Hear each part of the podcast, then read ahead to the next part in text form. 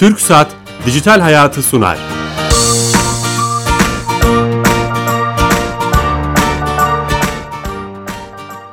Herkese merhaba, ben Bilal Eren. Teknoloji ve dijitalleşmenin hayatlarımıza etkilerini konu edindiğimiz programımıza hoş geldiniz.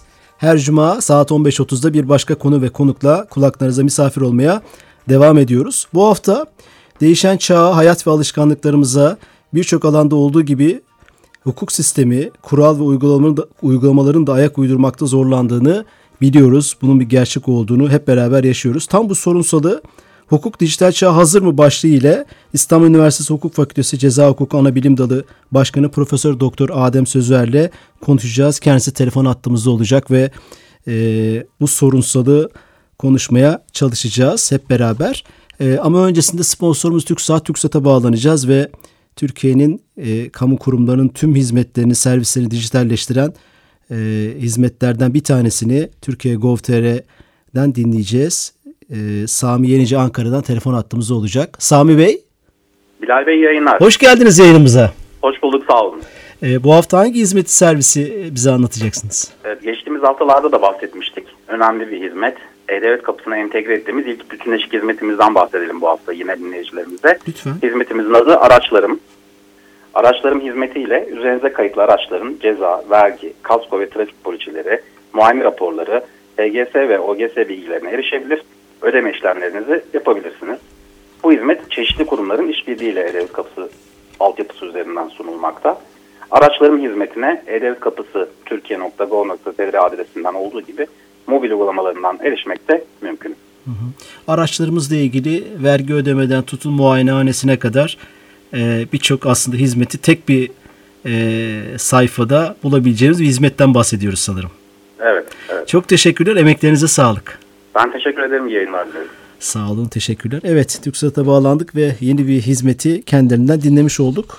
Profesör Doktor Adem Sözer telefon attığımızda olacak ve e, hukuk dijital çağ hazır mı sorusuyla kendisiyle başlayacağız. Hocam hoş geldiniz.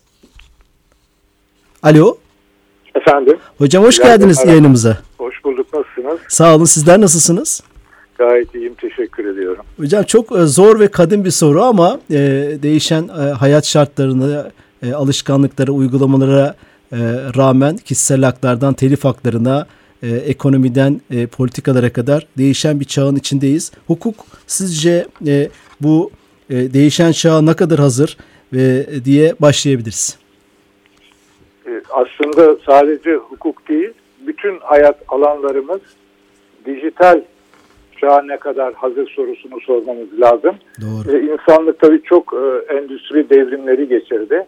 Fakat içinde bulunduğumuz bu e, endüstri devrimi yani dijital dönüşün, dijital çağ diğerlerinden daha farklıydı. Her dönüşümde hukuk alanında da büyük değişimler oluyor. Mesela e, endüstri döneminde sonra hukuk alanında çok büyük e, değişiklikler e, oldu. Burada da oluyor ve olacak. Fakat bu dönemin diğer dönemlere göre çok önemli özellikleri var.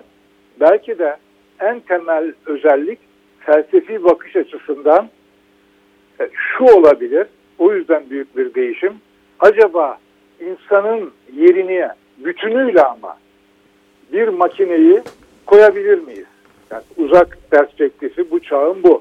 Yani insan beyninin aynı şekilde yapılarak e, aynı şekilde üretilerek bir çağa girebilir miyiz? Girdik ama bu temel perspektif var. Diğerlerinde bu özellik yoktu. Öncekiler örneğin başka alanlarda da diyelim ki yeni iş alanları yaratıyorlardı. Fakat dijital çağ bu bakımdan da farklılıklar gösterecek. Birçok alanda acaba e, işler gereksiz kalacak, o insanlar işsiz kalacak ama onlar için yeni iş alanları yaratılması büyük sorun olabilecek. Bu bakımdan da özellik gösteriyor.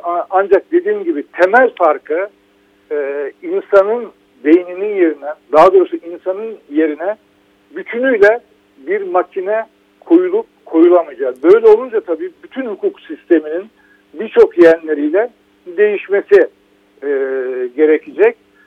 Yani Ancak hocam en- bir hukuk öznesi yeni bir hukuk öznesi mi? Hani hukuk bireyler arasını düzenlerken o bireyin yerini alacak bir otomasyon sisteminin, bir robotun, bir algoritmanın gelmesiyle yeni bir hukuk öznesinden mi bahsediyoruz? E, Böyle bir şey olmalı mı? Asıl Olmalı mı? soru bu. Yani böyle evet yeni bir takım otonom araçlar geliyor vesaire.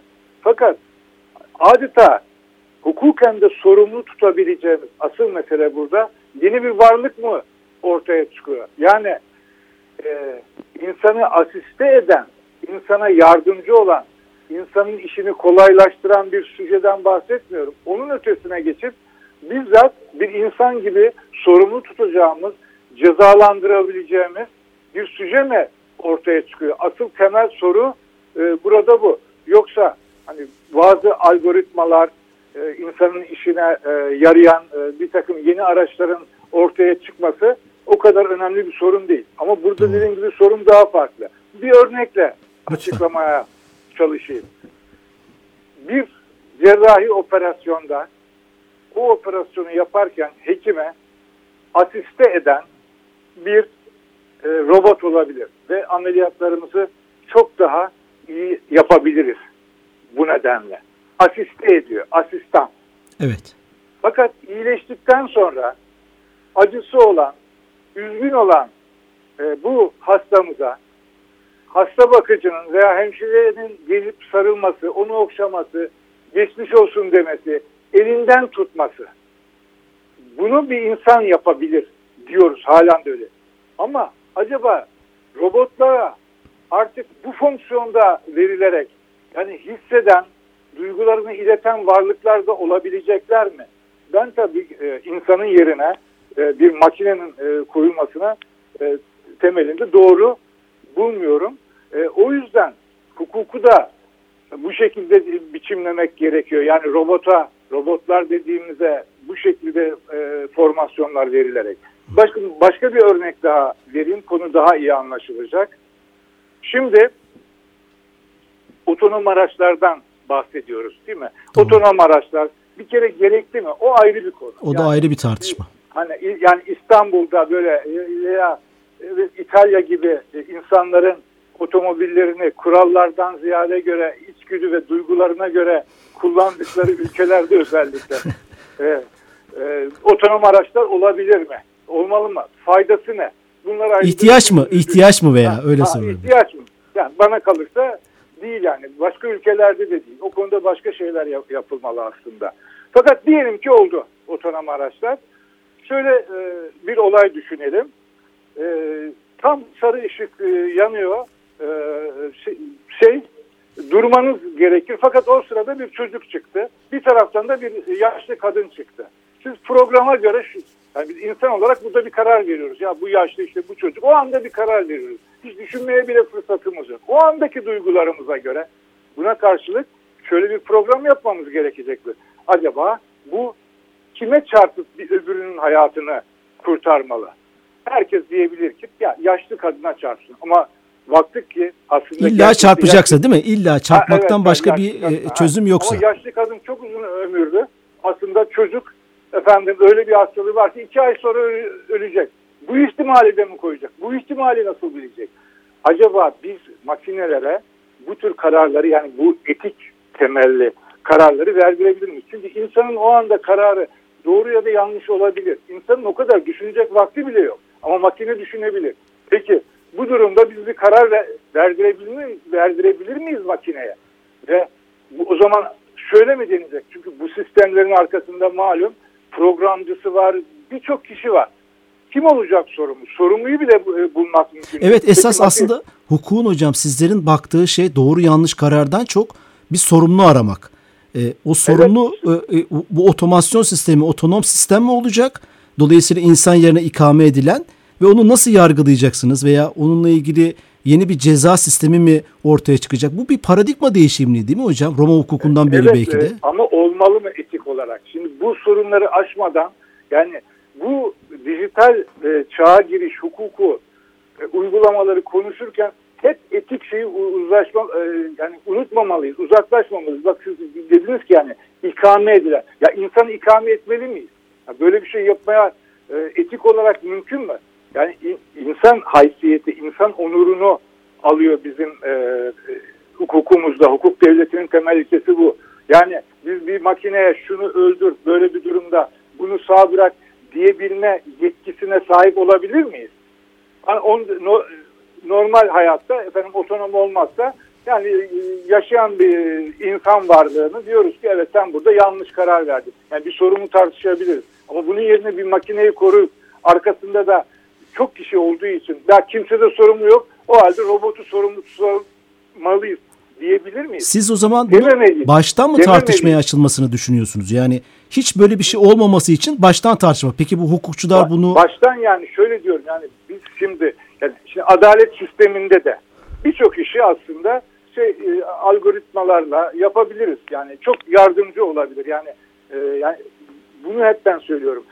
E, dijitalliğin insanı asiste eden, her işi asiste eden fonksiyonu bir yoldur. Bir de insanı ikame eden ikinci yol. Anlatabildim mi? Şimdi bu ikisi üzerinde e, tartışmanın yürümesi lazım. Biz şu anda bunu görmüyoruz. İnsanı asiste eden yönü evet elbette. Fakat insanı asiste eden yönünün ötesine e, geçip de e, biz sayet insanı ikame eden bir şey e, düşünülüyorsa ki bunlar düşünülüyor tabii ondan sonra Hocam, e, o zaman evet. ama e, yani insanın e, yerine geç, ikame eden bir varlığın olduğu dünya nasıl bir dünya olacak? İşte bu etik yön e, olmamalı. Meşhur bir film var adını vermek e, istemiyorum. E, daha doğrusu 2015'te olduğu için söylenebilir de Ex Machina diye. Evet evet söyleyin lütfen hocam. Evet, Meşhur tavsiye bir ederiz. Ya, o evet. filmi e, izlediğiniz zaman yani her şey e, filmlerde e, anlatılır malum dü- dünyada. Şimdi o filmde ne oluyor sonuçta? Yani robot e, tüm şeyi e, galibiyeti sonucu yani kendi kendine öğrenen, kendi kendine kararlar veren bir robot e, var orada. Yani biri e, ölüyor. E, Filmde zaten üç kişi var. Biri ölüyor, öbürü de hapse giriyor. Hani insanlar şimdi bunu şey zannediyor. Hani bir fantastik zannediyor. Hayır.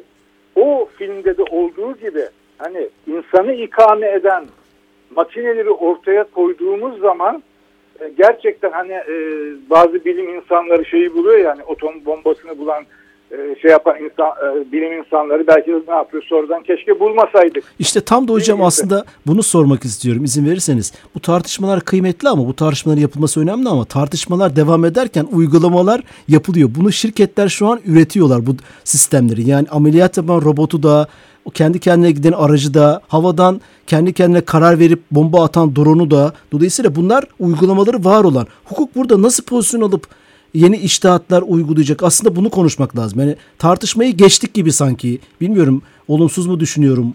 Ee, siz ne dersiniz? Ee, Şimdi bu tartışmayı geçmedik. Aslında tartışmaya yeni başladık. Fakat bizim ülkemizde o kadar tartışmıyor, tartışılmıyor. Yani biz e, Silikon Vadisi ve e, Çin var. Bu aslında iki tane büyük ekol var. Ama bunun e, yani Çin'de herkesin efendim e, yüzleri biliyorsunuz tanınıyor. İşte vatandaşlık için şey veriliyor. e, puan veriliyor. Doğru. Ve sırf o sistemler üzerinden insanlar ikinci sınıf vatandaş, üçüncü sınıf vatandaştan gibi yapılıyor. Hatta oradaki Uygurları e, biliyorsunuz onları özel olarak tanıyor.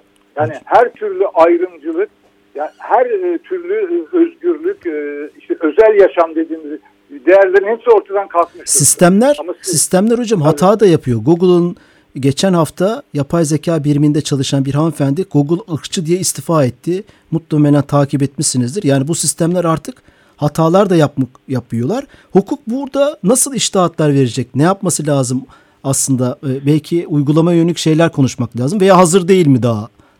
Zaten şu anda hazır değil. Bir kere zaten e, Çin veya Silikon Vadisi dediğim zaman onlar hemen hemen hiçbir sınır tanımıyorlar. Doğru. Yani e, biliyorsunuz siz de işte bu e, bütün verilerimizin toplanması yani insan bir obje konumuna geliyor biz internete girdiğimiz zaman. Yani biz internete girdiğimiz her an aslında bir takım verilerimizi tercihlerimiz e, yoluyla aslında biz orada bir e, obje konumumuzdayız. Biz kendimizi aktif gibi görünüyoruz ama her hareketimizde o hani büyük veri e, şeyinin bir e, parçası oluyor.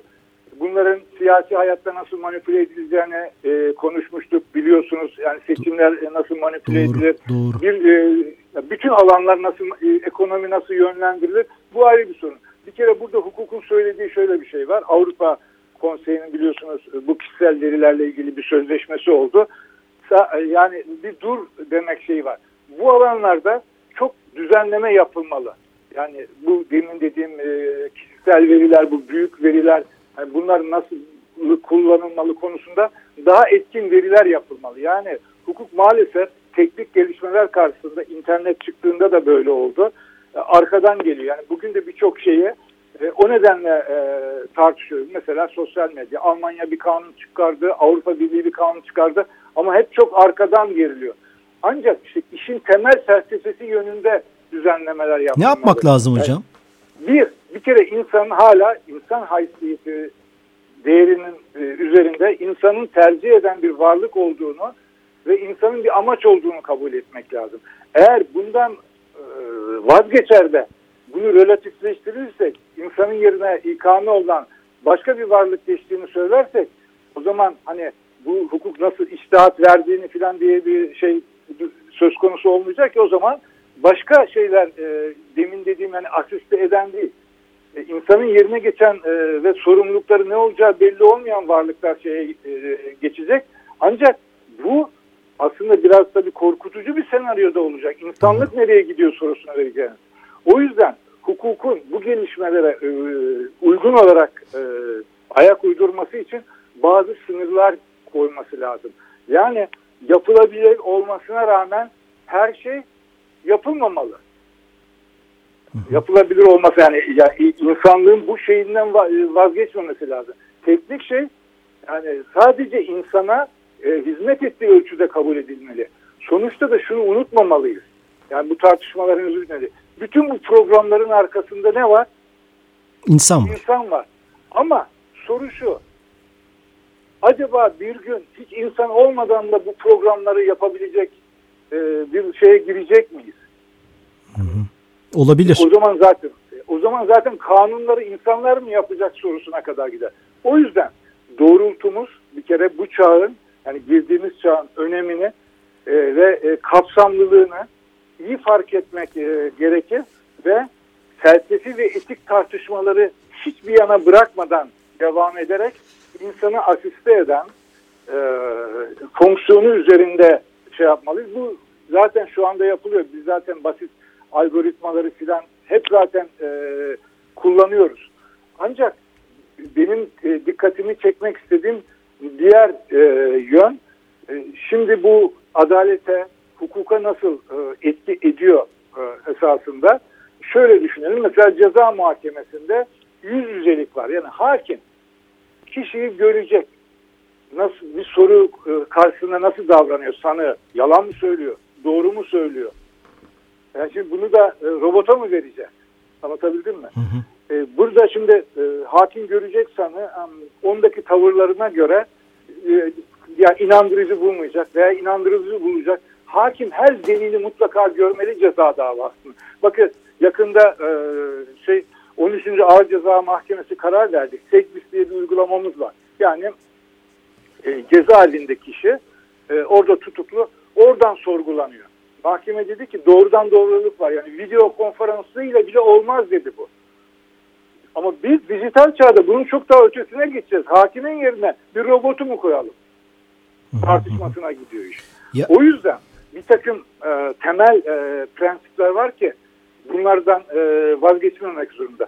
E, tıptan da bir örnek vereyim. Orada daha çok uygulanıyor. Şimdi çünkü röntgen değil mi? Evet. Yani binlerce kişinin röntgenine, efendim göğüs röntgenine şey yapıp e, depolayıp oradaki algoritmalara göre yani burada efendim bir uzman değil de artık bir robot algoritması karar versin diyebiliriz. Ancak öyle bir özel durum olabilir ki oradaki algoritmalarınız size yanıltıcı sonuç verir. İşte o yüzden en son aşamada bazı şey, e, konularda yine insandır demek zorundayız. Yani insanı ikame edici yollara şüpheyle bakmalıyız. Ancak insanı ikame eden değil, insanı sorumlu tutabileceğimiz şekilde bu sistemleri kullanmalıyız. Peki hocam Yoksa, bu sizin anlattığınız insanın yerine ikame olamaz, asiste olur, olmalıdır. O, e, paradigmasını... Yani olamaz diyemeyiz ki yani şöyle Yani e, yani Turing'in e, yaptığı makine malum. Onunla e, başlıyor bu sistemler e, bir anlamda da. E, orada neler oldu, bugün nelere geldik. O yüzden ben şunu diyemiyorum yani teknik olarak. Şu artık olamaz, bu artık yapılamaz. Bu olamaz üzerinden gitmemek gerekir. Çünkü oluyor. Yok hukuk evet doğru ama hukuki anlamda bir paradigmadan bahsediyorsunuz. Bunu peki Evet, hukuk yani ama eğitimine, bunu- hukuk eğitimine ve eğitimcilerine sizlere e, nasıl anlat aktarılacak veya bu konuda sizler hem müfredat anlamında hem eğitimciler anlamında yeni hukukçu adaylarına bunlar için hazır mısınız? Bu konuda çalışmalar var mı? E, dünyada ve ülkemizde. Ee, yani aslında şu pandemi döneminde e, bir anlamda dijital e, ortamlarda yürütüyoruz her şeyi. Şu kesinlikle anlaşıldı ki yüz yüze eğitimin yerine asla geçemez. Yani şu şeyde kesinlikle her açıdan olumsuz. Yani ben üniversite açısından e, ben bunu rahatlıkla söyleyebilirim. Yani burada mesela insanı ikame e, etmek şu günkü dijital e, şeyde mümkün olmuyor. Bu dijital ortamlardaki hukuk eğitimiyle yani adaletin e, etkin olarak e, sağlanacağı yani hukukçular yetiştirmek e, mümkün değil. E, örgün Yani eğitimde şuna- mümkün mü? Örgün eğitimde? Buna göre daha çok mümkün. Yani burada biz bir kurs gibi anlatabildim mi? Zaten şey, o iletişimi kuramıyoruz. Yani çünkü e, e, bazı ş- iletişim, birebir iletişim e, mümkün olabiliyor bizim yüz yüze şeyde e, bütün dersi. Bir de üniversite sadece bir bilgi alışverişi değil, bir me- ortamdır. O ortamda hani amfi, hoca, yani başka bir e, dünyadır da orası. Yani bunun dijital ortamda bu şekilde e, tekrar bir anlamda ikamesi hiçbir şey ilde mümkün olmadığı anlaşıldı. Kitap okumanın yerine e, diğer e, teknik şeylerin geçtiği e, kesinlikle e, anlaşılmış durumda. Anlaşılmış ama peki bu dijital şeylerden hiç yararlanmayacağımız anlamına geliyor mu? Hayır gelmiyor. Mesela yani işte yine asiste edici fonksiyonuna geleyim.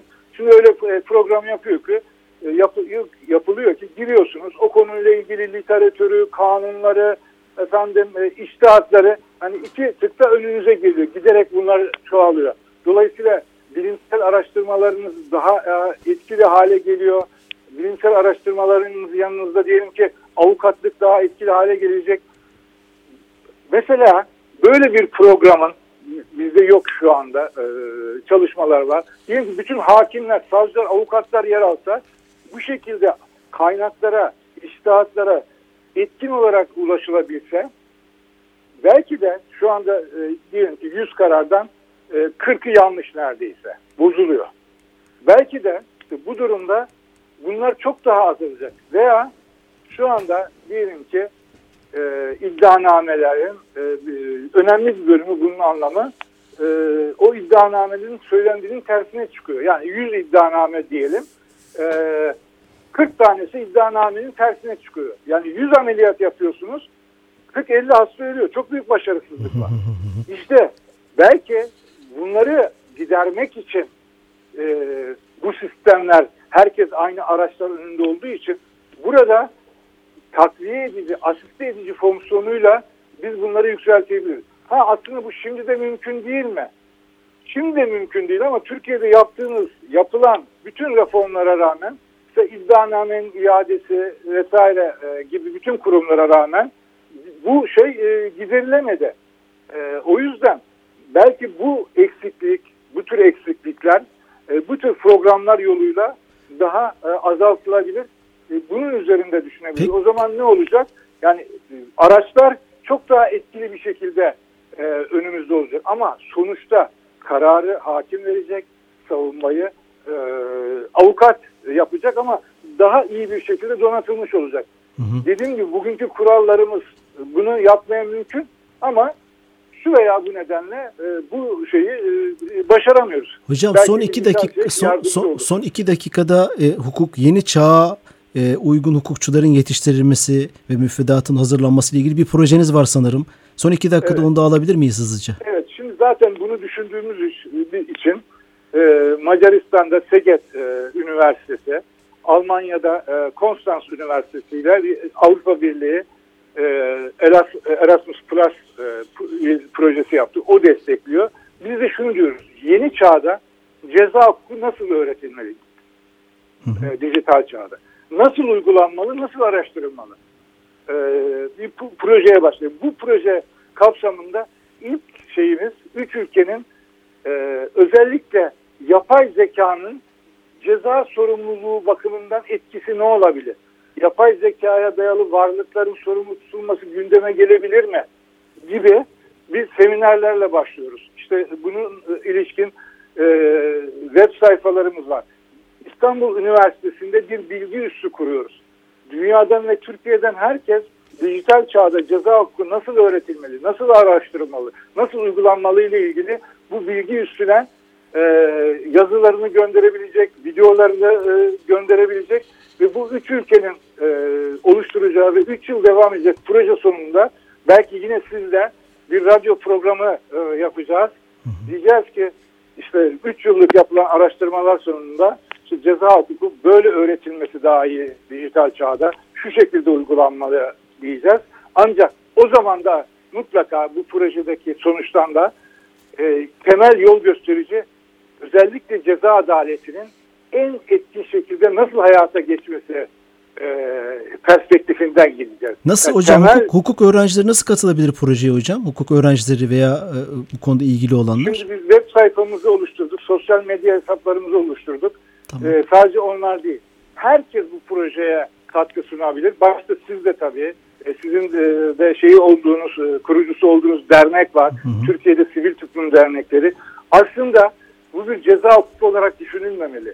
Bütün e, Türkiye e, kamuoyu, yani dijital çağa girdik. Bakın insanın yerine insanı ikame edecek e, varlıklar oluşturuluyor. Bunu her gün tartışmalıyız. İş dünyasına etkisi, şey, ekonomiye etkisi, efendim sosyal hayata etkisi, geleceğe etkisi, her konuda her gün tartışmalıyız biz bunu. Özellikle felsefi boyutlarını hiç göz ardı etmeyerek. İnsan haysiyeti, insanın amaç e, oluşu değerinden hareket ediyoruz biz tabii. Ama bu konuda başka görüşler de e, var. O yüzden e, sadece hukuk öğrencileri değil, herkesin, herkesin katılımı mümkün olacak. Katması, e, katılması e, lazım ve sizin programınız e, vasıtasıyla bir daha çağrıda bulunuyorum. Bu sadece İstanbul Üniversitesi, Seget Üniversitesi, Konstans Üniversitesi'nin değil. Aslında Türkiye'nin bir projesi gibi düşünülüp herkes bu soruyu sorarak, cevaplar arayarak bu tartışmaya, bu projeye katılmalı Buradan ve katkı sunmalı arzusundayız. Hocam çok teşekkürler. Vaktimiz de oldu. Buradan ederim. duyurmuş olmaya çalıştık. Umarım bütün bu söylediğiniz hedefler gerçekleşir ve o sizin söylediğiniz paradigma doğrultusunda hukuk düzeni kurulur ve uygulamalarda buna otokontrol vasıtasıyla devam eder. teşekkür ediyoruz. İstanbul ben Üniversitesi Hukuk ediyorum. Fakültesi Ceza Hukuku Ana Bilim Dalı Başkanı Profesör Doktor Adem Sözer hocamız konuğumuzdu. Şeref verdi. Haftaya yeni bir konu ve konukla e, beraber olacağız. İyi hafta sonları. Hoşçakalın.